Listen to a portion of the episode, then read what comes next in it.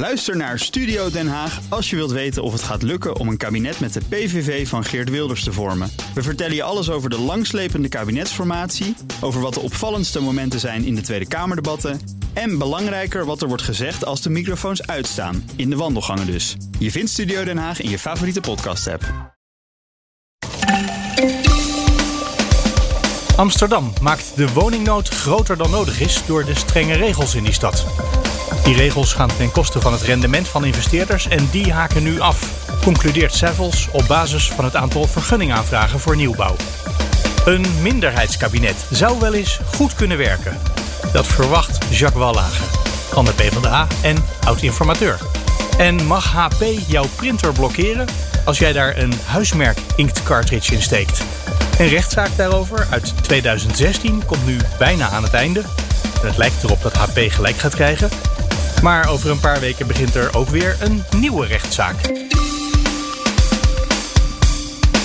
Dit is Nieuwsroom, de dagelijkse podcast van het Financiële Dagblad en BNR Nieuwsradio. Met het nieuws verteld door de journalisten zelf.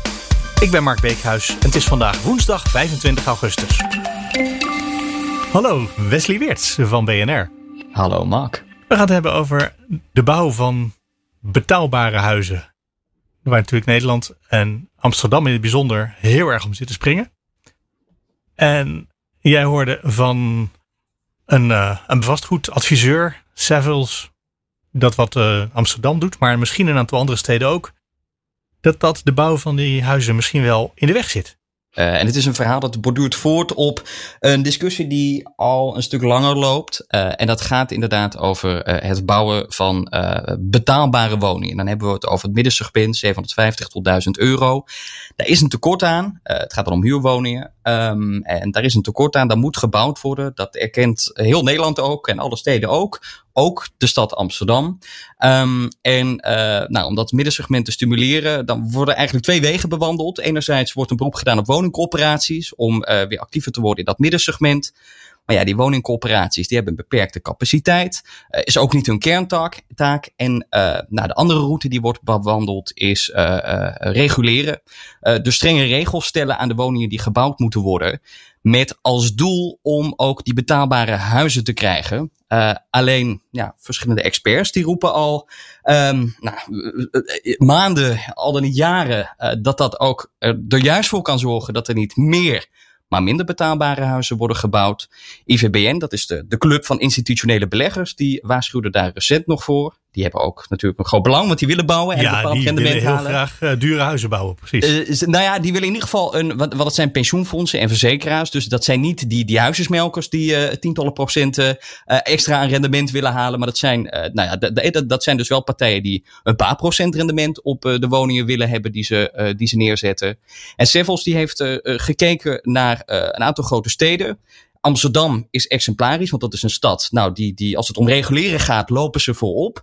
En ze hebben uh, teruggekeken uh, en gekeken wat dat nou betekent voor uh, bouwvergunningen. Die worden afgegeven aan marktpartijen. En daarin zien zij dat, nou ja, dat, dat er nog maar een relatief klein deel, een derde van de bouwvergunningen, naar uh, uh, marktpartijen toe gaat. En volgens Seffels heeft dat te maken uh, met de, ja, dat harde reguleren van Amsterdam. Waardoor beleggers, investeerders weggejaagd worden uit, uit onze hoofdstad. Want die strengere regels, misschien moeten we die nog even helder maken. Nou, er zijn verschillende vormen van regulering. Als we kijken naar Amsterdam, um, dan ja, is Amsterdam wel een bijzondere stad, omdat zij voor een groot deel grondeigenaar zijn, waardoor ze sowieso wat meer eisen kunnen stellen. Uh, en de gemeente bepaalt niet alleen maar wat je mag bouwen, maar ook hoeveel het moet gaan kosten. En Amsterdam heeft bijvoorbeeld een 40-40-20 regel. Dus ja, grofweg is 80% moet betaalbaar zijn, 20% duur. Dus in dat opzicht bepaalt de gemeente van ja, dit zijn de woningen die we willen hebben voor die prijs. Uh, maar Amsterdam stelt daarnaast ook nog strenge duurzaamheidseisen en voorwaarden op het gebied van de woninggrootte, de woninghoogte. Um, ja, en die, die cocktail van uh, allerlei verschillende eisen, uh, uh, nou, die zorgt er voor, volgens Sevels in ieder geval voor dat ontwikkelaars en beleggers de afgelopen jaren toch wel afhaakten als het gaat om investeren in nieuwe middeldure huurwoningen. Dus die woningen tussen de 750 tot 1000 euro. En dat zien zij en daar kijken ze dan naar en ze concluderen dat op basis van de afgegeven bouwvergunningen aan marktpartijen. Maar nou hoorde ik uh, Rutger Groot-Wassink, wethouder te Amsterdam, waar dit verhaal natuurlijk voor het grootste deel uh, aan opgehangen is, die zei, ja, je kan wel kijken naar die vergunningen, wat Savills doet. Maar dat telt helemaal niet, want een vergunning kan één huis zijn, maar het kan ook een hele woonwijk zijn. En, dus je kan wel vergunningen tellen, maar dat zegt helemaal niks. Nee, nee dat, dat, dat is eh, denk ik ook een terecht punt dat hij zegt. In ieder geval als het gaat om uh, dat één vergunning niet gelijk staat aan één woning. Want uh, één vergunning kan inderdaad ook, dat kunnen ook 100 of 200 woningen zijn.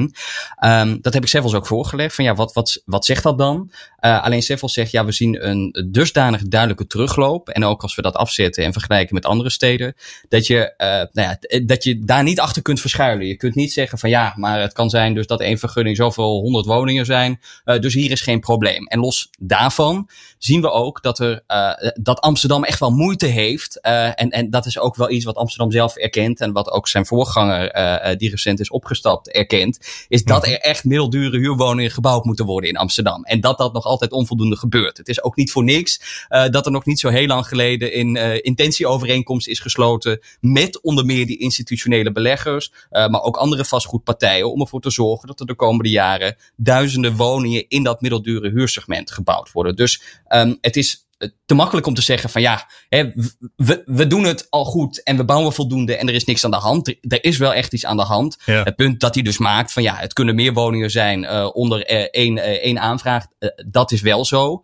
Um, en er is dus een intentieovereenkomst nog niet zo heel lang geleden gesloten voor de komende jaren om ervoor te zorgen dat er voldoende wordt gebouwd. Um, maar dat betekent dus dat dat gaat dan voornamelijk over vergunningen die dus de komende tijd worden afgegeven. Maar nadat de vergunning is afgegeven, duurt het nog vele jaren voordat het gebouw er uiteindelijk staat. En ik hoorde de wethouder inderdaad ook zeggen, met ja, van uh, ja, we hebben de afgelopen jaren, uh, ik geloof dat hij 50.000 woningen noemde, uh, in de mhm. afgelopen zeven jaar gebouwd. En dat kan wel zijn, maar dat zegt dan ook weer heel weinig over de periode waar wij het nu over hebben. Als het gaat om het afgeven van vergunningen. Om diezelfde reden die ik daarnet noemde. Die vergunningen die de, de ene kijkt naar de toekomst en de andere naar, het, naar het verleden, zeg je. Inderdaad, dus daar zit, daar zit wel een verschil tussen. Als ik naar Wassink, Groot Wassink luisterde, kreeg ik ook een beetje de indruk dat hij zei: ja, die, die, uh, die beleggers willen wel uh, dure huizen bij ons bouwen. Maar dat zijn niet de huizen waar we op zitten te wachten. Dus als die afhaken, dat is niet zo erg. Want we wilden juist niet de dure, maar de middeldure en de goedkope huizen hebben hier.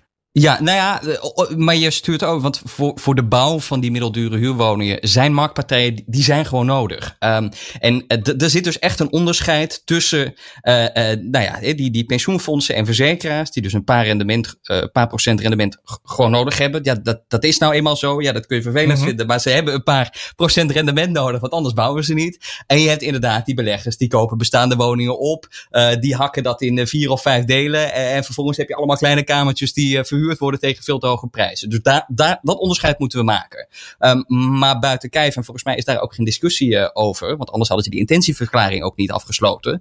Uh, Zijn die institutionele beleggers, dus die pensioenfondsen en verzekeraars, nodig om die woningen te bouwen? En dat, diezelfde institutionele beleggers, die waarschuwden nog niet zo lang geleden ervoor dat als er ook landelijk beleid komt om meer te reguleren, dat zij minder bouwen. Uh, en ook in Amsterdam is het, er is wel een intentieovereenkomst, maar is het nog lang niet allemaal in kannen en kruiken en goed geregeld. Want ook daar wordt nog altijd steen en been geklaagd over die hoge grondprijzen. Hè? Want die drukken ook op die marges. Dus ze moeten voldoen aan allerlei eisen. Vervolgens betalen ze onder meer een hele hoge grondprijs. De bouwkosten zijn gewoon heel hoog.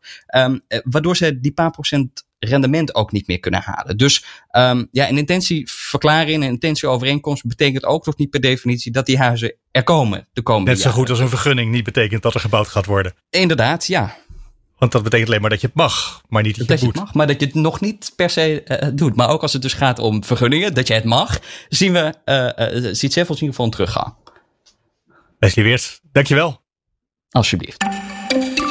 Hallo, ook al Jonker. Goedemorgen. Uh, terwijl ik zit thuis te werken, zit jij vandaag lekker op de redactie en zelfs in de podcaststudio. Ja, Comfortabel, hè? Ja, het is fantastisch hier. Als, als een nieuwe studio, ja. ja. We zaten al heel even te praten over. Het gaat natuurlijk over de formatie. Waar deze week toch een soort van. Uh, nou ja, er leek in ieder geval iets te gebeuren. Misschien niet zoveel, maar toch iets. Meer dan in de afgelopen maanden. En we zaten al heel even te praten. En kwamen tot de conclusie dat het op het ogenblik voor een stuk vastloopt op het zelfvertrouwen van Mark Rutte. Is dat te kort door de bocht? Ja, het, is, het is natuurlijk te kort door de bocht. Maar je zou het zo kunnen uitleggen bijna. Als je ziet hoe, uh, ja, hoe bevallig hij daarmee omgaat op dit moment. En uh, hoe bevreesd hij is om, uh, om met twee linkse partijen te gaan regeren. Dan, dan zie je koudwatervrees. en, en dat is ook wat je koudwatervrees dan met name voor hoe, uh, hoe links hem uh, uh, misschien kan pootje lichten straks in, in zo'n coalitie. Ja, en dat is, dat is denk ik wel een van de, een van de redenen waarom, waarom Mark Rutte niet staat te trappelen of zelfs afwijzend is over, over die combi van GroenLinks en PvdA. Even los van alle ideologische verschillen hoor, die je hebt natuurlijk nog steeds tussen, tussen de VVD en en GroenLinks en Partij van de Arbeid. Maar het is tegelijkertijd wel zo dat het beide partijen zijn die, uh, waar, je, waar je in principe, of zoals uh, Jacques Wallager vandaag bij ons in de krant zegt, uh, hele fatsoenlijke partijen waar je heel constructief mee kunt regeren. Dus wat is dan het probleem? Ja, dat heeft toch ook, denk ik wel, te maken met hoeveel vertrouwen heeft Rutte in die partijen, maar ook in zichzelf.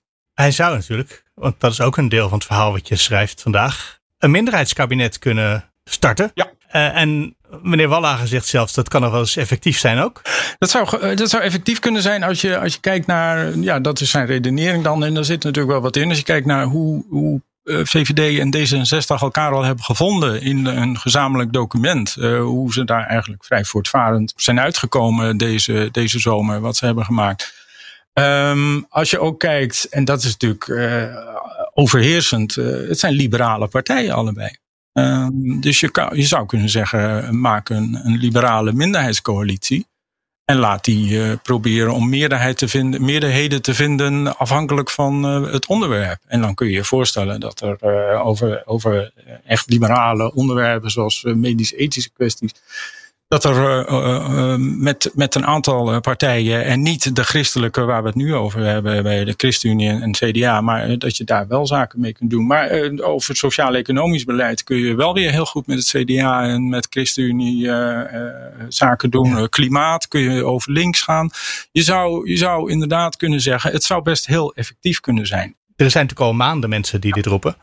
En er zijn ook vast hele goede redenen waarom je dit toch maar niet wil. Eh, ik zag statistieken voorbij komen dat minderheidskabinetten meestal niet zo lang blijven zitten, bijvoorbeeld.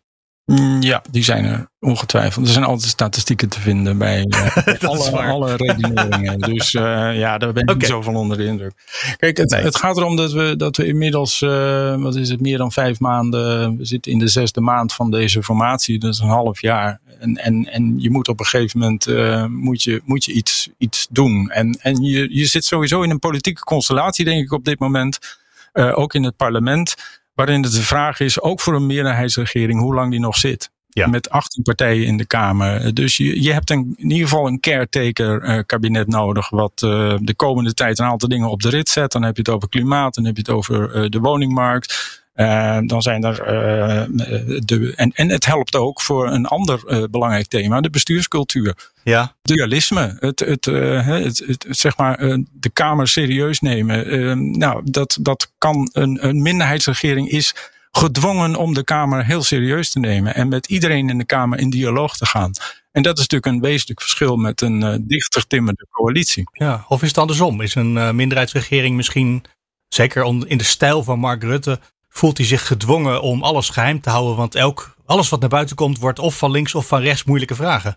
Nee, dat is wel zo. Maar ik bedoel, het is, het is natuurlijk wel zo dat, dat uh, een, een, kabinet, uh, en, en daar, daar zit de Kamer zelf ook bij, een kabinet wat, uh, wat dingen voor elkaar wil krijgen, zal, zal coalities moeten bouwen en zou coalities moeten vormen. En dat zijn niet altijd dezelfde coalities als je bij een minderheidsregering spreekt. Dus misschien kan die veel effectiever zijn op deelterreinen dan over het, over het geheel. Maar het is wel, denk ik, een, eh, in ieder geval een next best optie als je kijkt naar de situatie uh, in Den Haag, van ja. uh, waar we nu staan. Dan, uh, dan is er tot nu toe eigenlijk niks gebeurd. Dat is, dat is het grote probleem hier. Ik had een stille hoop dat mevrouw Hamer, de informateur uiteindelijk, dat die gistermiddag uh, met een zeker enthousiasme de opdracht terug zou geven. En zou zeggen: Sorry, ik zie gewoon onvoldoende wil. Het heeft echt geen zin dat ik met jullie allemaal ga praten.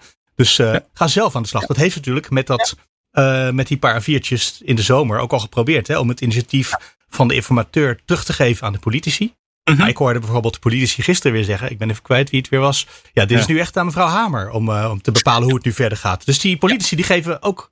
Ja, die nemen niet de verantwoordelijkheid. Ja, dat, daar lijkt het erg op. Ja. Dus ze had gewoon heel eventjes ontregelend moeten zeggen: hey, sorry, ik ga jullie niet meer helpen. Jullie moeten het zelf doen.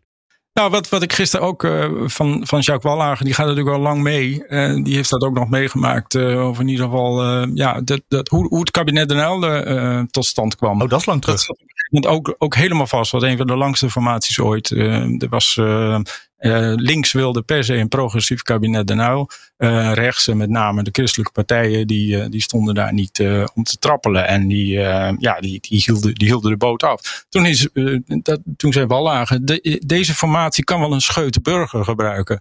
Wat Burger toen deed was een aantal brieven schrijven die ook gepubliceerd werden in de openbaarheid over uh, hoe, uh, hoe verschrikkelijk de KVP zich wel niet opstelde in deze regering. En dat hij er geen zin meer in had en uh, dat het zo niet langer kon. En toen zag je een soort kanteling, ook in publieke opinie, maar ook zeker ook in, in, binnen die partijen. Van ja, laten we, laten we dan toch proberen om constructief daaruit te komen. Dat is uiteindelijk gebeurd. Er is een officieel een minderheidskabinet ontstaan. Maar wel met, uh, met steun uh, van lange tijd van KVP en ARP, die uh, op persoonlijke titel een aantal, aantal ministers in, in die minderheidsregering hadden, waardoor het toch een semi-meerderheidsregering was. Ah, dus de partijen steunden het niet, maar een aantal mensen uit die partijen zaten wel in de regering. Ja, en uiteindelijk uh, ja, waren die partijen natuurlijk ook wel bijna gedwongen om, om mee te doen, om, om niet hun eigen mensen te laten vallen. En dat is, dat is een interessante. Je zou nog kunnen denken aan een minderheidsregering met, uh, met Pieter Omtzigt als minister. Ja. Wat moet het CDA dan? Die vraag die durf ik niet steeds te overdenken. Laten we even wachten tot 11 september, het partijcongres. Dan gaan we daarna over die vraag nadenken. Maar wie zou, wie zou de Pieter Burger van dit ogenblik eh, kunnen zijn? Wie zou dat, uh, die rol nu op zich kunnen nemen? Nou, Hamer duidelijk niet. Uh, nee, die houdt alles helemaal stil. Die is zelf weg. Het is natuurlijk niet dat er allemaal achter de schermen gebeurt. Maar je merkt gewoon bij Hamer dat ze, dat ze niet echt een uh, uh, gebruik maakt van, van de publieke opinie. En van het ongeduld wat er, wat er in de samenleving is. En dat ze ja, de indruk wekt alsof ze alle tijd heeft. ja, ze zit natuurlijk een beetje in die ser-modus van. Nou, als het volgend jaar is, is het vroeg genoeg. En dat is, dat is wat, je hier, wat je hier denk ik ook wel ziet. Dus ja, wie zou, wie zou hier wel een goede informateur zijn? ik, ik heb daar ook niet zo, zo scherp uh, voor ogen. Of iemand gewoon, uh, kan, moet Jesse Klaver op gaan schrijven wat hij van Hamer heeft gehoord over Wopke Hoekstra en over Mark Rutte. dat hij gewoon een soort dagboekje publiceert in de krant. Ja, maar dan, dan blijft het partijpolitiek. Hè? Eh, kijk, oh ja. uh, Burger deed het echt vanuit het landsbelang. En, en dat is ook wel, denk ik, waar je nu een beroep op moet doen. Van uh, kom op jongens, we, er zijn belangrijke zaken te doen. En uh, er moet een regering zijn die, die, die, die de zaken ook kan aanpakken. Die de handen uit de mouwen kan steken. Er zijn ook mensen die zeggen dat Mark Rutte het allemaal wel bevalt, hè, de huidige situatie. Dat dat ook verklaart waarom die geen haast maakt. Ja, dat denk ik eerlijk gezegd niet. Ik denk dat hij uh, het liefst gewoon met een, uh, met een, met een echt kabinet uh, draait. Hij, hij ziet ook wel, ook in, in, in heeft, heeft een heel goed gevoel voor wat er, wat er gaande is. Hij, hij ziet ook wel dat het ongeduld gaat toenemen. En kijk naar, naar zijn partijgenoot Wijsglas gisteren op Twitter, die uithaalde naar hem van jongens, wat, waar, waar, zijn jullie mee bezig? Ja. Waarom, waarom hè, hoezo nieuwe bestuurscultuur? Hoezo snelle formatie? Hoezo kort regeerakkoord. Dat is allemaal nergens uh, terug te zien op dit moment. Ik ben ook heel benieuwd of dat onder een nieuwe regering wel zichtbaar gaat worden. Met of zonder Mark Rutte trouwens hoor. Mm -hmm, ja. Hilco Jonker, een mooi open einde voor het gesprek. Want ja. we zijn er nog lang niet.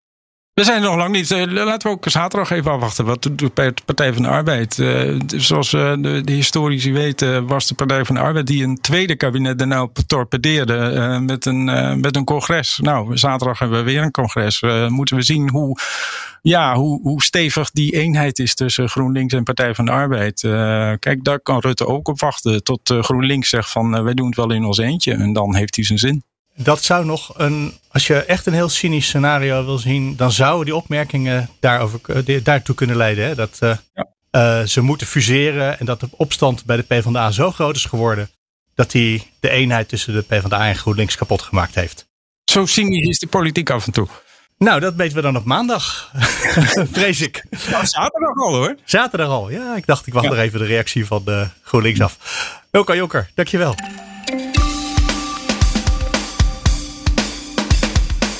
Maar we kunnen ook gewoon over iets heel anders praten, hoor, wat mij betreft. Dat jij wel over cartridges praat.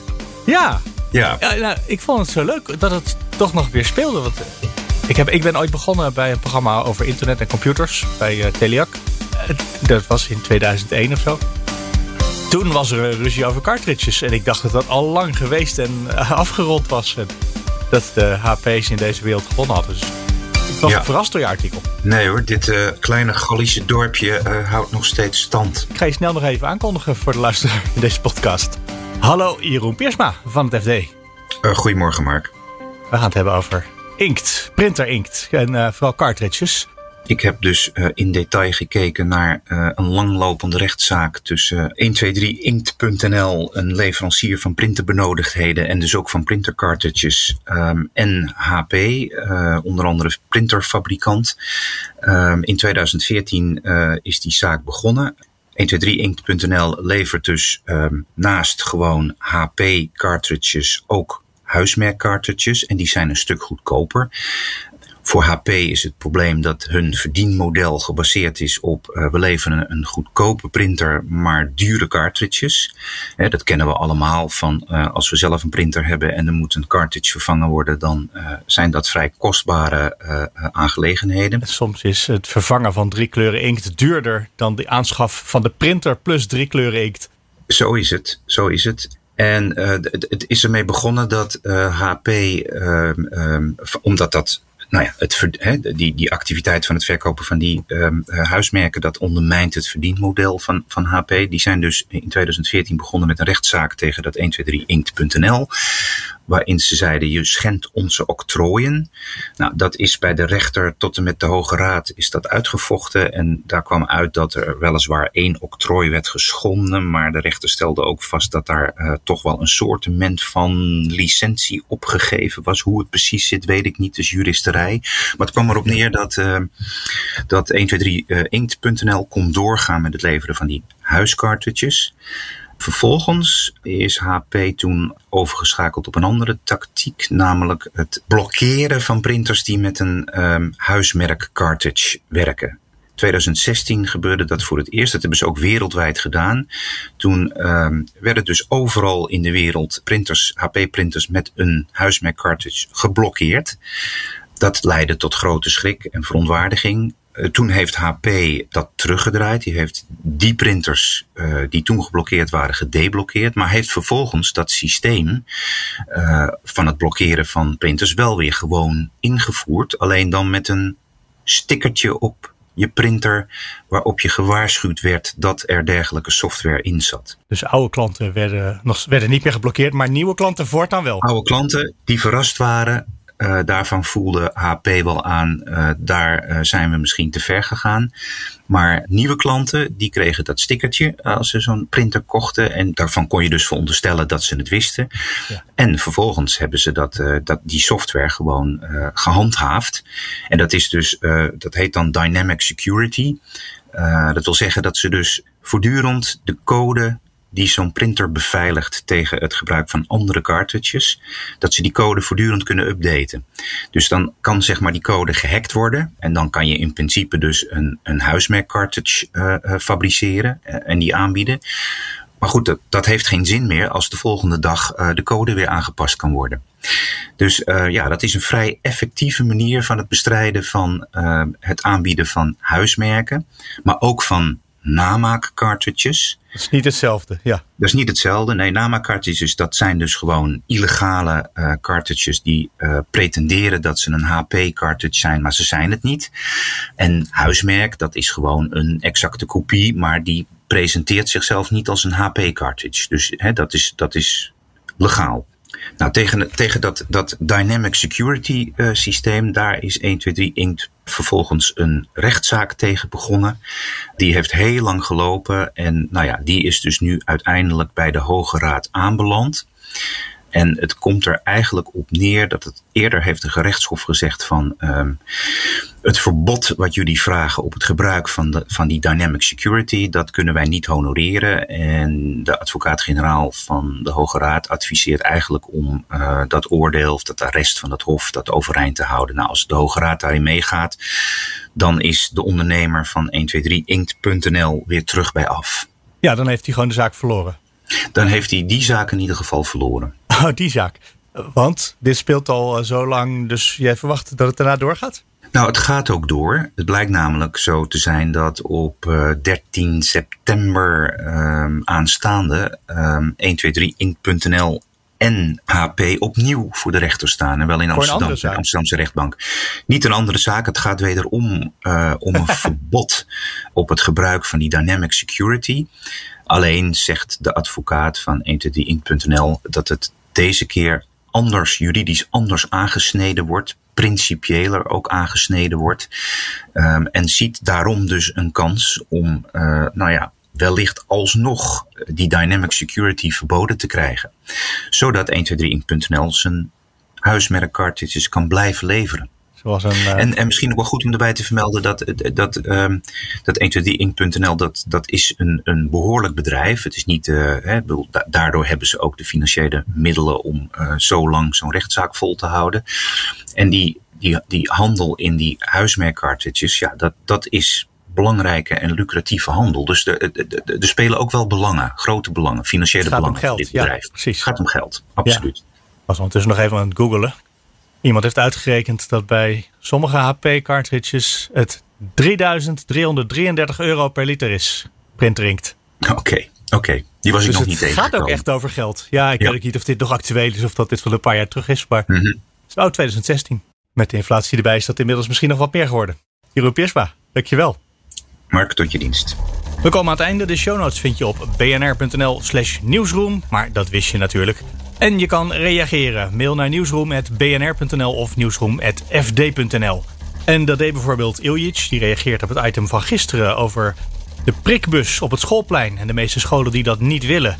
En wij zeiden iets net niet helemaal correct. Namelijk dat minderjarigen altijd toestemming nodig hebben van hun ouders. Als ze zich willen laten vaccineren. En dat staat ook gewoon op rijksoverheid.nl. Iljic stuurde ons het linkje. Ben je 16 of 17 jaar, dan mag je zelf beslissen of je je wilt laten vaccineren. Ben je jonger dan 16 jaar, dan beslis je samen met je ouders of verzorgers over je vaccinatie. Ben je het niet eens met je ouders, dan is jouw mening doorslaggevend als je goed weet waar vaccinatie over gaat. Kortom, als je graag wil, kan je als 12-jarige ook gewoon zelf besluiten of je je wel of niet wilt laten prikken. En Boris die mailt ons vanuit de dubbeldekkerbus tussen Haarlem Centraal en Amsterdam Zuid. En dat gaat dan ook over de elektrificatie van de bussen, die op het ogenblik stil ligt door de coronacrisis, omdat er zo weinig passagiers zijn. En dat is ook precies wat Boris uh, meemaakt. Die bus die was vroeger altijd helemaal vol en op het ogenblik 30 à 40 procent in de spits. Behalve maandag. Maandag zat hij helemaal vol en dat had te maken met een treinstoring bij Sloterdijk. Voor het eerst in anderhalf jaar dat hij zo vol zat. Dankjewel Boris, dankjewel Iljic voor jullie mails. En wil je ook reageren om iets aan te vullen? Persoonlijke ervaringen die aansluiten bij waar we het over hebben in deze podcast. Of regelrechte correcties? Ze zijn allemaal welkom. Via nieuwsroom.bnr.nl of nieuwsroom.fd.nl. Morgen zijn we er weer. Graag tot dan.